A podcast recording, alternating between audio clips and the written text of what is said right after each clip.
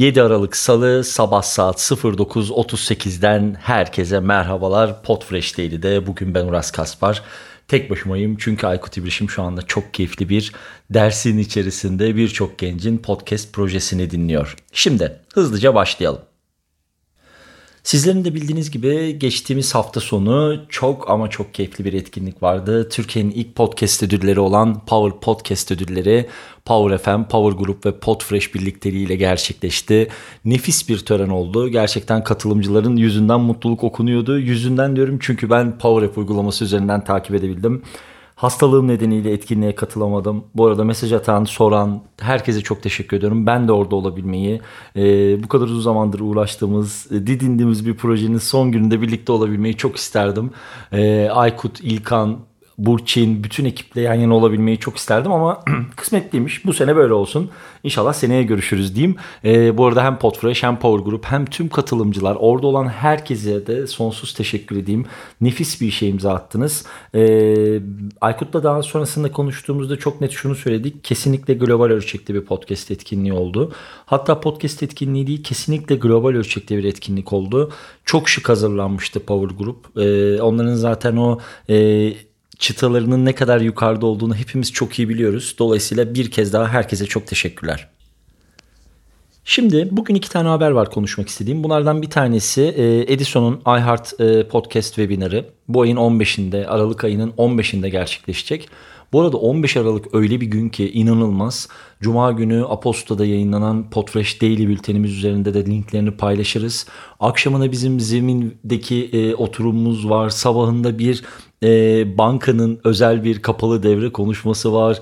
Edison'un iHeart Podcast webinarı var. Yani 15 Aralık tamı tamına bir dolu dolu bir podcast etkinlik günü diyebilirim şimdiden. Linklerini paylaşacağım. E, katılım linklerini isterseniz bir göz atmakta fayda var.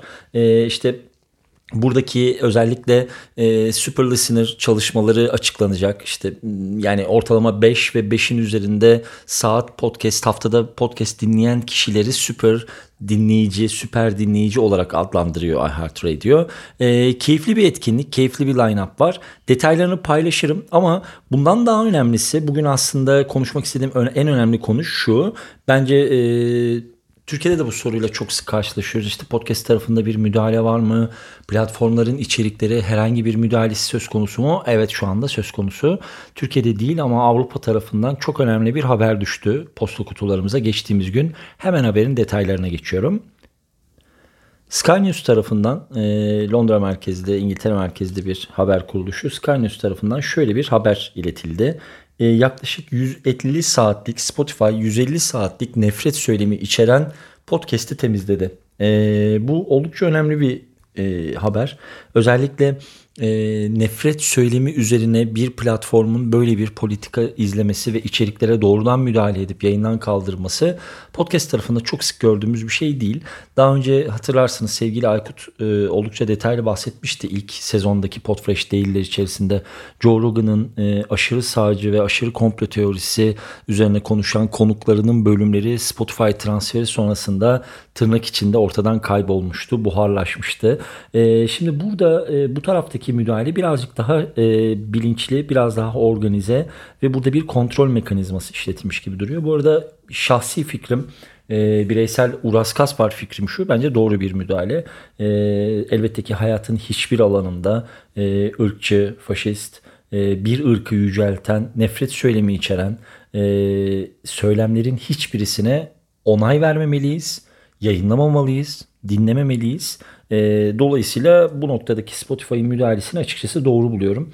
E, şimdi bu noktada şuna dikkat etmek gerekiyor bu ölçekte yapılan e, ilk podcast'te yapılan müdahalelerden bir tanesi.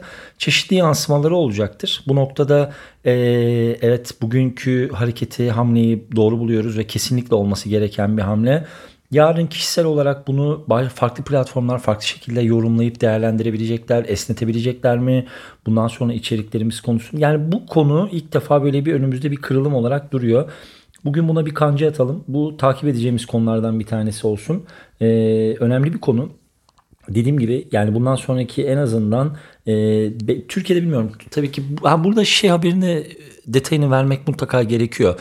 E, Spotify'ın bu 150 saatlik nefret söylemi içeren podcast'i temizlemesinin hemen ardından Sky News Google'a ulaşmış ve Google Podcast'te demişler ki siz bunları kaldırmayı düşünüyor musunuz? Dolayısıyla sizdeki bu içerikler hala online olarak bulunabiliyor, dinlenebiliyor ve Google Podcast'ten bir geri dönüş almamışlar.